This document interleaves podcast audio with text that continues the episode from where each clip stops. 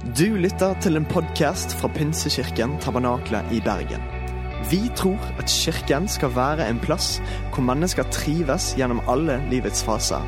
En kirke for hele livet. Ønsker du å bli bedre kjent med oss eller holde deg oppdatert? Besøk vår Facebook-side eller ptb.no. Her er ukens tale.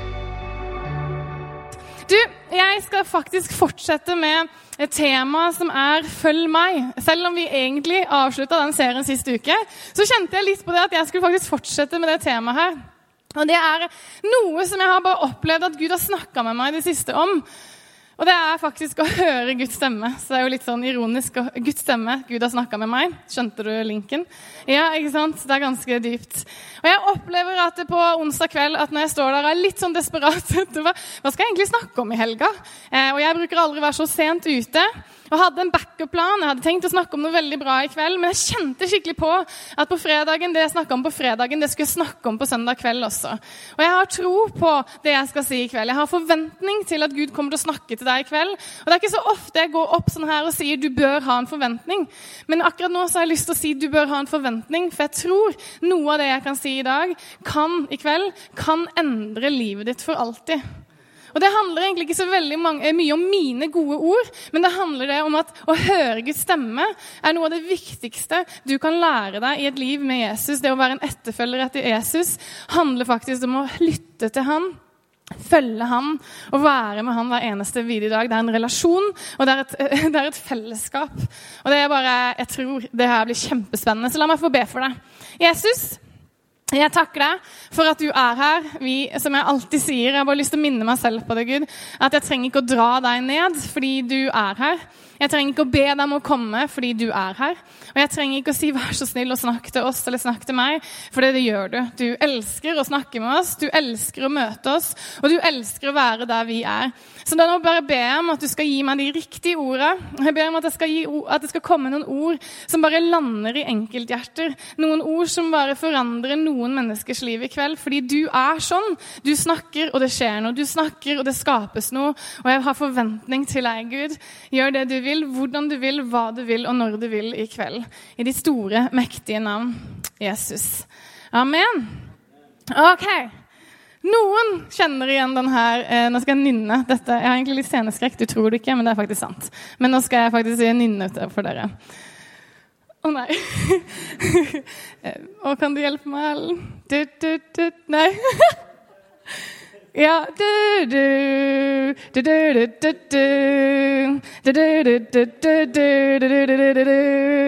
Hva er det for noe? Thomas-toget! Åh, ser du at jeg fikk litt sceneskrekk der? Var ikke det litt godt for deg å se? At jeg også kan faktisk få det?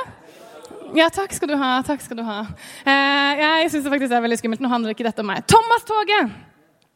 Han er da ute og kjører, og plutselig en dag i en episode av Thomas-toget så faller Thomas-toget til sides i grøfta. Og så roper eh, Thomas-toget 'Jeg er fri! Jeg er fri! Jeg er endelig fri! Nå kan jeg liksom gjøre det jeg vil.' Jeg husker ikke helt hva han sa for noe. 'Jeg har falt av linjene! Jeg er fri!' Ikke sant? Ser du for deg? Thomas-toget med smilet ligger det. Eh, og det som er i denne episoden her, er at han da opplever å endelig få lov til å få puste litt. Slippe å kjøre tog. Slippe å være tog, for det er jo det han egentlig er. Og tenker nå. Nå er jeg fri. Endelig. Problemet er bare det at et tog som, ute, ut, som ikke er på skinnene, hva er det for noe? På det beste en hytte. Ok? På det beste et sånn hustog. At du bor i et tog. Jeg har hørt om folk som har gjort det. Men du er jo virkelig ikke det du er ment å være. er du det? Nei, du er ment til å være tog som kjører på linjene som følger lokomotivføreren. Right? Gir mening, ikke sant? Dette er ikke noe sånn science. Jeg er ikke så god Altså, Jero hadde en preken på leir som var sånn om katalysator og 56 Nei, jeg klarer det ikke engang. Jeg kan ikke matte. Eh, sånn, Det er ikke så komplisert, er det det? Det er egentlig ganske rett fram. Toget følger skinnene som går rett fram følger det lokomotivføreren gjør. Stopper når den skal stoppe, kjører når den skal kjøre. Det er det toget er ment til. Det er ikke ment til å være fri fra togsporene. Toglinjene, eller hva enn det er kalt. Og Dette er egentlig et veldig banalt bilde på det å leve med Jesus og det å følge etter Jesus. Men det er noe i det, er det ikke det? For det er bare når vi lever sånn som vi er ment å leve, når vi følger Jesus, når vi har blikket vårt på Jesus, så finner vi oss selv, og vi finner ut hvem vi er ment å være. Tro det eller ei.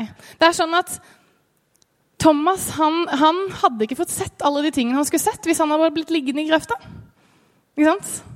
Han hadde ikke vært noe annet enn bare en hytte på det beste hvis han hadde blitt liggende der. Han ville fort skjønt at det som han trodde var en begrensning, det å være på skinnene, egentlig var hans frihet. Og det var det som gjorde at han fikk lov til å gjøre det han var ment å gjøre. Det var det som gjorde at han fikk lov til å oppleve verden og bety noe for folk. Og han tok med seg lasten. Jeg vet ikke hva egentlig Thomas gjorde. Jeg husker ikke det her. Men det er bare når Thomas gjør det han er ment å gjøre, at han virkelig er seg selv. Det er egentlig helt logisk. Og litt sånn er det med oss at vi tror at frihet er å leve uten begrensninger. Men det er egentlig ikke sant. Begrensninger er sunt for oss. For det gjør, det gjør at vi, lever, altså vi, føler oss tryggere. Jeg, jeg, kunne snakka mer om det her, skal ikke si noe mer om det faktisk nå. Men det er helt logisk hvis jeg sier å bruke en volleyball som fotball eller en basketball som fotball. Det er ikke greit. Ikke sant? Alle som vet dette. Å bruke en fotball som en stol er heller egentlig ikke optimalt. Og noen ganger så lever vi litt sånn. Vi lever utenfor det som vi er ment å leve i. Og det, er, det kan funke å sitte på en ball, liksom. Men det er jo egentlig ikke det det er ment å være. Og jeg tror at akkurat som en tog er ment til å kjøre på spora, og en fotball er ment til å sparkes, og en volleyball er ment til å Hva heter det for noe? Smashes. Så er vi også ment til noe. Vi er skapt av en skaper som vet hva skapelsen er ment å gjøre. Hørte du hva jeg sa? Vi er skapt av en skaper som vet hva skapelsen er ment til å gjøre. Og det betyr at det vi er ment til å gjøre, er å følge skaperen, som er Jesus Kristus. Det er det å kjenne han. Det er det å høre hans stemme og gå der han går, og gjøre de tingene han gjør. Det er det vi er ment til å gjøre. Noen sier det at det er forskjell, og det er egentlig sant. Det er ikke bare noen som sier det. Mange sier, Alle sier det. Alle sier det. Kjennskap og kunnskap, to forskjellige ting. right? Det å kjenne noen er én ting, og det å ha kunnskap om noen er faktisk en helt annen ting. Og det å være en disippel av Jesus er det å egentlig være en etterfølger av Jesus. Og det handler egentlig om å finne ut hvem han egentlig er.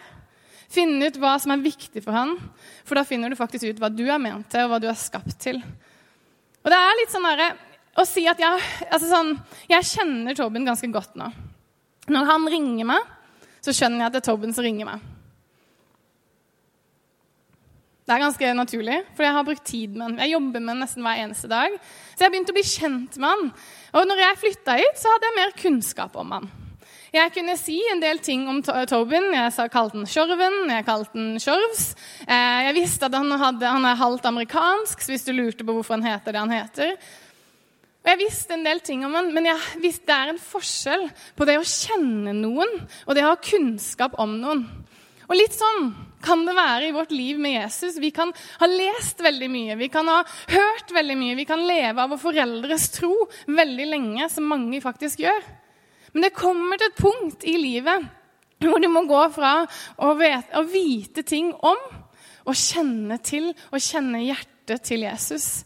Det er forskjellen på kjennskap og kunnskap, og den er enormt viktig i et liv i etterfølgelse av Jesus. Du kan ikke bare ha noen andre sin kunnskap og gjøre det til din egen kjennskap, for det funker faktisk ikke. Jeg har mange bekjente, men mine bekjente får ikke lov å få nøklene og gå inn i, eh, i leiligheten min. De får ikke lov til å gå inn i godteskapet og bare spise det de vil. Da må jeg i hvert fall være i veldig god, godt humør. De får ikke lov til å bare gå og ta min beste kaffe og te. Jeg vet det, jeg er ganske gnien. altså, Mine Airbnb-folk de får ikke lov til å bare ta Jeg gjemmer vekk en del ting, men mine venner de vet akkurat hvor de skal gå henne. Martha vet hvor hun skal gå henne når hun skal finne det hun trenger. Hun vet at det ligger hjemmelaga brød i fryseren. Selvskryt. Ja, ja, det er det. Venner, folk som kjenner meg, som jeg kjenner, de har tilgang til noe helt annet enn det de bekjente har. Ganske logisk, egentlig. Og vi er egentlig skapt til to ting. ok? Jeg tror vi kan si at vi er flere ting, men dette er to viktige ting. Om du ikke får med noe annet, så er dette kjempeviktig i livet. Det ene tingen er at Vi er skapt til en relasjon med Jesus. Vi er skapt til å kjenne ham. Enten så kjenner du ham, eller så kjenner du ham ikke. Det kan være en prosess av å bli kjent med, men det er noe annet. For du kan gå prosessen av å bli kjent med en, men du kjenner den fortsatt litt. Spørsmålet er bare om du kjenner mye eller eh, litt. Det er en annen samtale. Det kan vi ta en annen gang. Men det er spørsmålet er, kjenner du den, eller har du hørt om den? Og det andre som jeg tror er viktig, er at du er skapt til å gjøre de tingene som Jesus har gjort, og de tingene som Jesus gjør. Og Det står i Johannes 14 at dere skal gjøre større ting enn det jeg har gjort. Dere skal forkynne at Guds rike er nær. Dere skal forkynne de gode tingene, de gode orda. Og dette er de siste ordene Jesus sier før han går opp til himmelen. Så det må jo være viktig. Det kan ikke bare være noe sånn derre Ja, å nei, altså, by the way Nei, nei. Det er det viktigste han sier. Ei, før jeg drar, hør det her. Dette er deres kall. Dette er deres oppdrag. Det er misjonsbefalingen å gjøre disipler, døpe, helbrede, dele evangeliet. Si at Guds rike er nær. Og hva er det? Det er så utrolig mye mer. Det betyr at vi er ment til å være formidlere av Guds rike, Guds håp, Guds godhet, Guds kjærlighet inn i menneskers liv. Vi er ment å være de som sier ja, det er sykdom, og det er sorg, og det er katastrofer i verden, og det er ting jeg ikke forstår, men jeg vet at jeg har et håp i himmelen, og jeg vet at en dag så kommer alt til å bli bra, bra. Og jeg vet at en dag så kan jeg få lov til å stå sammen med Jesus og vite at det er ingen sorg, ingen tårer, ingenting som er vondt. Jeg kan få lov til å stå der ansikt til ansikt med han og få lov til å leve med han helt og holde den sånn som jeg var ment til å gjøre. Og til den dagen så er vi ment til å følge Jesus og følge han der han går. Han leder veien, han tar oss med hånda, og så går han med oss. Tenk å gå aleine. Han leder oss, han tar oss med hånda, og så snakker han til oss. Og vårt mål bør være det her. Å kjenne Jesus og gjøre han kjent. Det bør være vårt hjerte som roper dette, fordi vi har møtt en som har endra livet vårt. Bare ved å snakke med mennesker om hvem Jesus er, så merker du som er en troende, at det gjør noe med måten du ser på Jesus. Bare det å snakke om en kompis som du er veldig glad i så Når du snakker om han til en annen person, så begynner du å snakke ganske mye fint. ikke sant? For du bare sånn ah, Han er jo egentlig veldig bra. Bare tenk når vi begynner å snakke om Jesus hvor bra han egentlig er. Og vi har egentlig ikke sett, vi har liksom, vi har sett så mye av hvem Jesus er. Når jeg ba, så sa jeg det at jeg opplevde at jeg skulle snakke om Guds stemme. Og jeg opplevde å bli minst på dette her.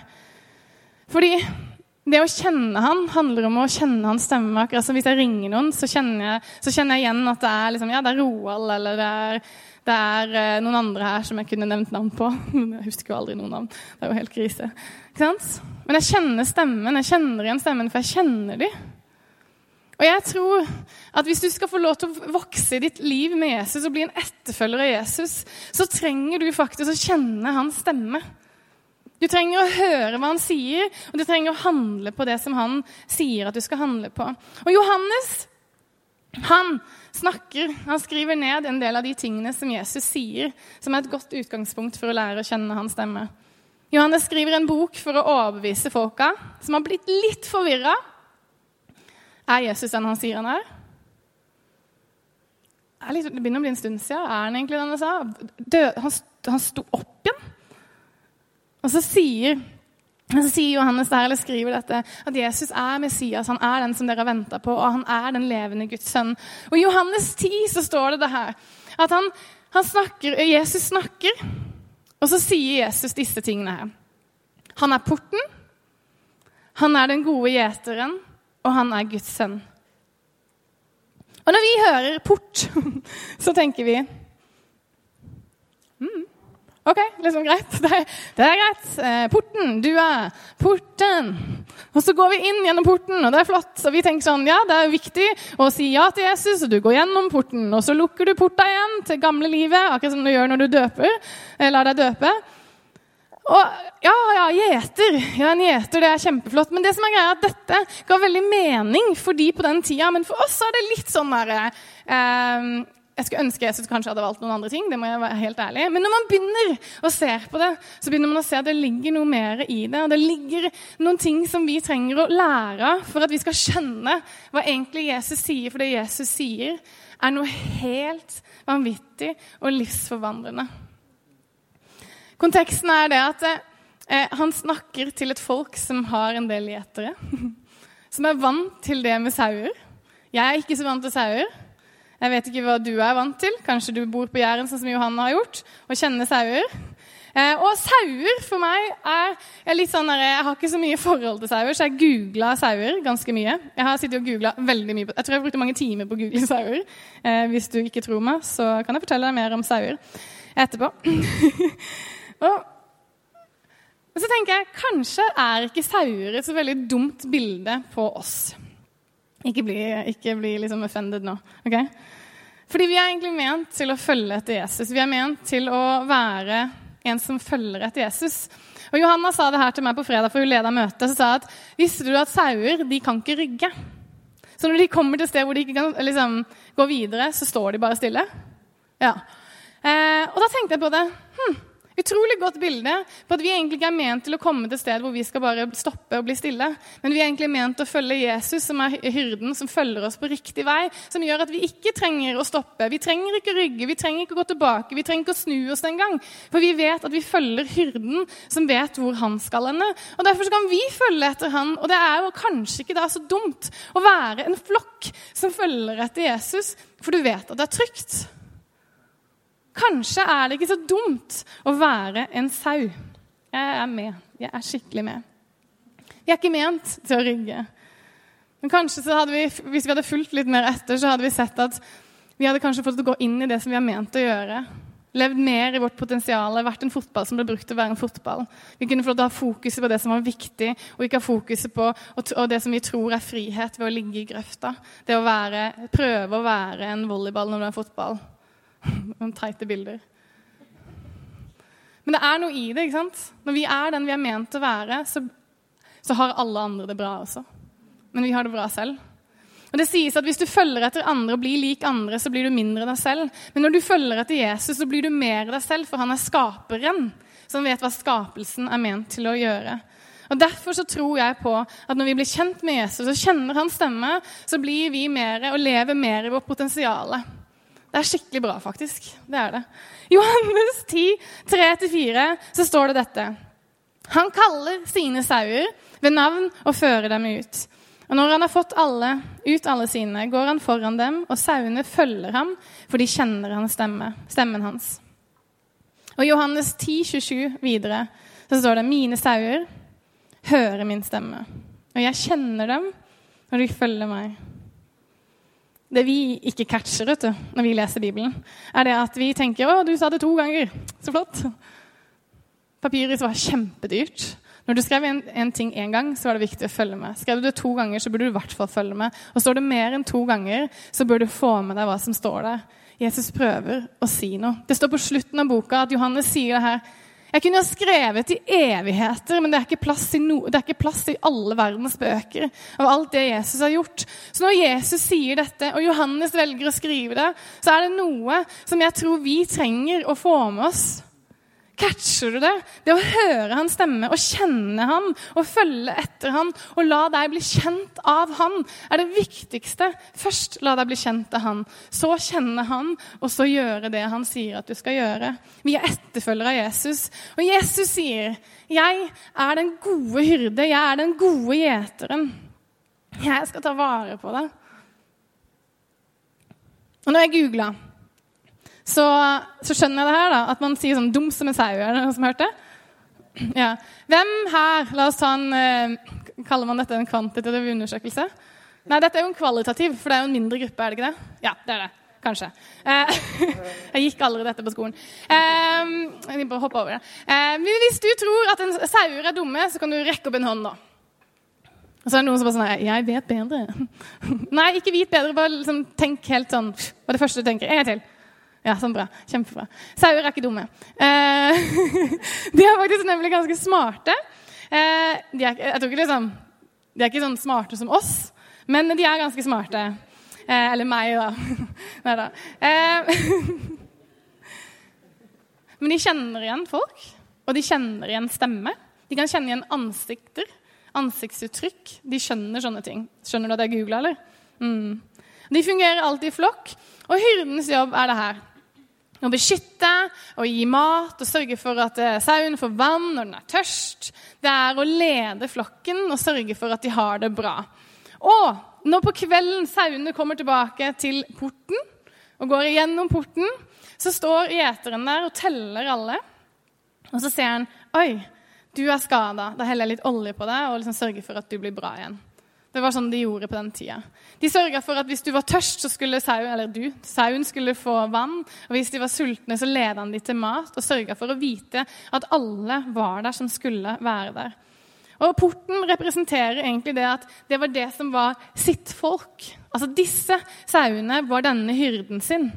Og når han har telt alle, så lukka han porten og så la han seg på tvers på natta for å beskytte sauene, sånn at ingen uvedkommende skulle komme inn og sørge for at ingen ble skada eller tatt. Hyrden la sitt liv ned for sauene. Ringer det en bjelle? Når Jesus sier 'jeg er porten', så sier han at 'jeg har lagt ned livet mitt'. Jeg er dødd for deg, sånn at du skal ha det bra. Sånn at du kan ha evig liv, sånn at du kan ha en relasjon med Jesus. Og så er det sånn at staven hadde en sånn liten krok som var sånn at når de gikk ute, som de gjorde Se for deg meg med masse sauer. Det er et fint syn. Og så tok en også bare, Oi, der var det en rot som kunne drepe. Tok tak i den roten og sørga for å, å, klarere veien for sauene. For å beskytte sauene, for at de skulle ha det bra. Sånn at ingen skulle bli skada. For hver eneste sau betydde noe for hyrden. Ja, det var penger og det var mat, men det betydde noe for den hyrden. Han kjente hver eneste ved navn. Det står faktisk i en del av de gamle sånn på eh, Back in the good old days så, så visste de, så ga de navn til alle sauene sine. Nå tror jeg de bør gi sånne nummer eller sånt. Det er jo litt trist. Kanskje de ikke gjør det på Jæren, eller gjør de det, Johanna? Kanskje de har sånn navn. Du er Turi. Det hadde vært kjempefint. Det som også er kjempeinteressant med sauer, er at de kjenner igjen stemmen til hyrden. Og så er det sånn at Når hyrden roper på dem, så kommer de. Og så er det også sånn at Hvis det er en sånn som har bare leid inn for å gjøre jobben, så følger de ikke egentlig med på den leie, leie hva heter det for noe? En person som jobber vikar. Eh, ingen som, eh, sauene følger ikke med på vikaren, eh, sauevikaren, hyrdevikaren, som man også kaller det eh, på jærsk. Og det er litt sånn at eh, Det som er også utrolig interessant, er at når da vi sier den vikaren, da, eller en eh, ond person, hadde prøvd å liksom kalle på disse sauene med samme stemme, liksom imitert stemmen og gjort det på akkurat samme måten, skikkelig sånn hardbarka jærsk, så hadde fortsatt sauene skjønt at dette var ikke hyrden. For de kjenner igjen stemmen, og de kjenner igjen når det er falskt. Og det som de gjør når de skjønner at dette er en falsk, så tenker de om! Og så sprer de seg. De løper i panikk i alle retninger står det da på sånne sauesider. Så altså, jeg, jeg har ikke funnet på dette her. Men det er litt interessant at Jesus bruker dette her. Og når vi leser det, så tenker vi, putter vi på våre liksom, briller når vi leser dette. Og så tenker vi å, sau, bonde, da, da, da. Vi tenker liksom forskjellige ting. Men hvis vi begynner å se på konteksten i det her, hva Jesus egentlig sier, så er Jesus egentlig kjempetydelig med, nei, med israelittene sine, israelittene i, i, landet. Han sier til folket sitt dere er nødt til å kjenne meg. Dere kan ikke bare ha kunnskap om meg. Det holder ikke bare å konfirmere seg. Det holder ikke bare å komme på en gudstjeneste på en søndag eller julaften. Det holder ikke å bare være liksom, ha den arven og tradisjonen og kunnskapen om Jesus. Dere må kjenne meg, sier egentlig Jesus. Dere trenger å vite hva jeg sier, og dere trenger en personlig tro. Ikke privat, men en personlig tro. Det handler om kjennskap og ikke bare kunnskap. Og Det sies at lydighet kjennetegner sauene. For de kjenner stemmen, og da er de lydige. For de vet at den, den hyrden den har jo tatt vare på dem før. De vet at den hyrden har sørga for at hvis de har vært skada, har blitt bra. Har sørga for å gi dem mat. Så sauene kjenner hyrden og stoler på hyrden. Og da er det ikke noe vanskelig å være lydig. Og Mange ganger så tenker vi at det å være lydig til Jesus, det å være lydig til Gud, det må jo være kjempeskummelt, og det følger etter Gud. Helt sånn bare Men hvis han er skaperen og vet hva du er ment til, er det ikke da naturlig at du skal følge etter? Og Kanskje så trenger du å bli kjent med Jesus, sånn at du skjønner at det beste er å følge etter Jesus. Ved å følge etter hyrden så, så følger vi vi følger faktisk den gode hyrden, og vi vet at vi er garantert evig liv og beskyttelse. Han sier at han vil gå foran oss, han vil lede oss, han vil vise oss vei. Han vil rydde veien for oss. Han vil sørge for at, å redde oss ut av farer. Han vil telle oss. Og han teller ikke bare sånn en, en flokk, men han teller enkeltpersoner. Han kjenner deg, og han ser deg og kaller deg med navn. Å være en disippel handler om å følge etter Jesus og kjenne hans stemme. Og Det er en historie som jeg bare kom på når jeg snak, eh, leste på det her og forberedte meg. Og Det er en utrolig interessant historie om når Jesus har dødd og stått opp igjen, så løper Maria tilbake til graven. Og så møter hun en mann som hun bare sånn 'Hvor har du gjort av Hvor har du gjort av Jesus?' Og hun liksom stresser ikke sant? og blir kjempestressa. Jeg kunne tenkt meg det samme. ikke sant? Er, altså, det, eh, graven er åpen. Og så står jeg der og så bare sånn 'Hvor har du gjort av ham?' Og så sier Jesus 'Maria'. Og i et øyeblikk der så skjønner Maria hvem Jesus er. Og plutselig så bare åpner øynene hennes. Det er deg. Det er du som jeg har fulgt de siste åra. Hun kjenner stemmen og måten han sier navnet hennes på. Det er noe spesielt i måten Jesus sier Maria på. Det var en relasjon der og så sier Jesus dette. Gå bort og forteller til de andre. Han sender deg ut på oppdrag. Og Det er akkurat det vi er ment til. Vi er til å kjenne og gjøre kjent. Og Jesus sier at vi skal gjøre større ting enn det han har gjort. Og det betyr faktisk at vi skal få lov til å bli ledet av den stemmen, av hans stemme, inn i de tingene som vi er kalt til, og få lov til å dele den vi kjenner. Være en disippel og gjøre disipler. Ok, Helt praktisk mot slutten. Jeg har lyst til å fortelle noen historier. fordi det, det her med å høre Guds stemme må jeg være helt ærlig, har vært en litt sånn vanskelig greie for meg da jeg var yngre. Fordi alle snakka om det. Jeg husker De prekte om det på konferanser. og bare sånn, det må være viktig å høre stemme Og sånne ting. Og så ble jeg litt sånn nei, men hvordan? Kan du ikke bare gi meg tre steg, syv nøkler, ti punkter? Gi meg noe, sånn at jeg kan catche og gjøre noe med det her. Sånn at jeg kan finne ut hvordan jeg skal kjenne hans stemme. For jeg skjønner det ikke. Og jeg har lyst til å gjøre det veldig praktisk. Og på en måte skulle jeg ønske jeg kunne gi dere syv nøkler eller noe sånt, nå, som du kan bare 1, 2, 3, 4, 5, 6, 7. Men jeg tror at hvis du skal bli kjent med Jesus, så trenger du å bruke mye tid med ham. Og når du sier å, Sandra, når jeg sier nå skal du bruke masse tid, så tenker du oi, det blir litt slitsomt. Men det betyr at når du våkner om morgenen, så sier du hei til Jesus fordi han er der. Det betyr at du, når du går til jobben eller sitter på bussen, så anerkjenner du at Jesus er der. Og så kanskje sier du et eller annet i tankene dine til han. Og så sier du hvis du har lyst til å gjøre noe i dag, eller si noe til meg i dag, så kan du godt si noe til meg. Så har du en daglig samtale med han. Det var en smart mann som sa jeg ber aldri mer enn 20 minutter, men det går aldri mer enn 20 minutter mellom hver gang jeg ber. Og jeg tror et liv å kjenne Jesus handler faktisk om dette. Det å kjenne Jesus og det å, å bli opptatt av det han, han, sier. Og Jeg tror at det kan se så veldig forskjellig ut fra person til person. Jeg tror at Måten Roald hører Jesus på, er helt annerledes enn det Tobben gjør det, fordi han er personlig. Og akkurat som relasjoner ser annerledes ut eh, Min relasjon med én person kan se annerledes ut enn dens relasjon med en annen. Og Sånn er Jesus. Han er ikke en copy-paste. Han er faktisk personlig. Det vil si at du faktisk må bli kjent med han. Ikke kjent, få kunnskap om hvem han er gjennom noen andre. Du trenger å bli kjent med han. Og for meg så skal jeg, jeg skal fortelle noen historier, for jeg tror kanskje dette kan hjelpe deg litt. med sånn der, ok, hva er det her for noe? Eh, fordi mange ser for seg liksom, at å høre Guds stemme Så hører man en sånn høylytt stemme. Og jeg kaller Tobin for Sjorven.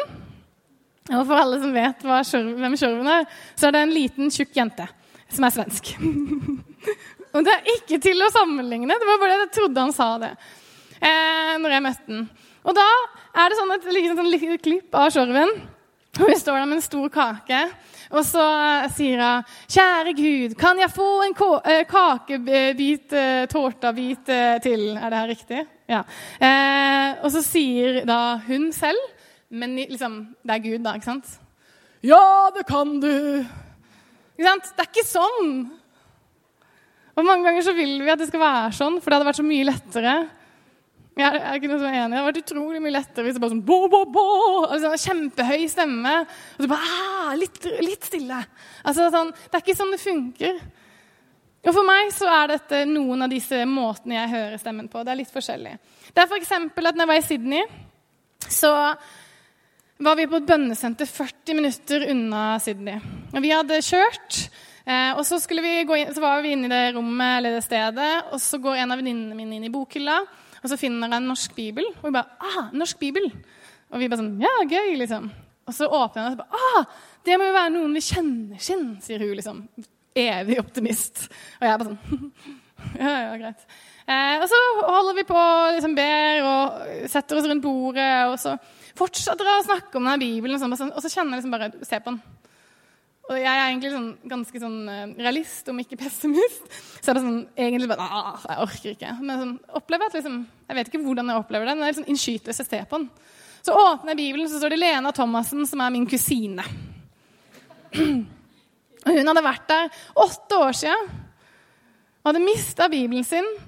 Hun hadde mista den i Sydney, og den hadde havna 40 minutter unna i, på et sånt bønnesenter. Jeg ringer Lena og Lena, dette betydde ganske mye for Lena. Det er en måte du kan kjenne Guds stemme på.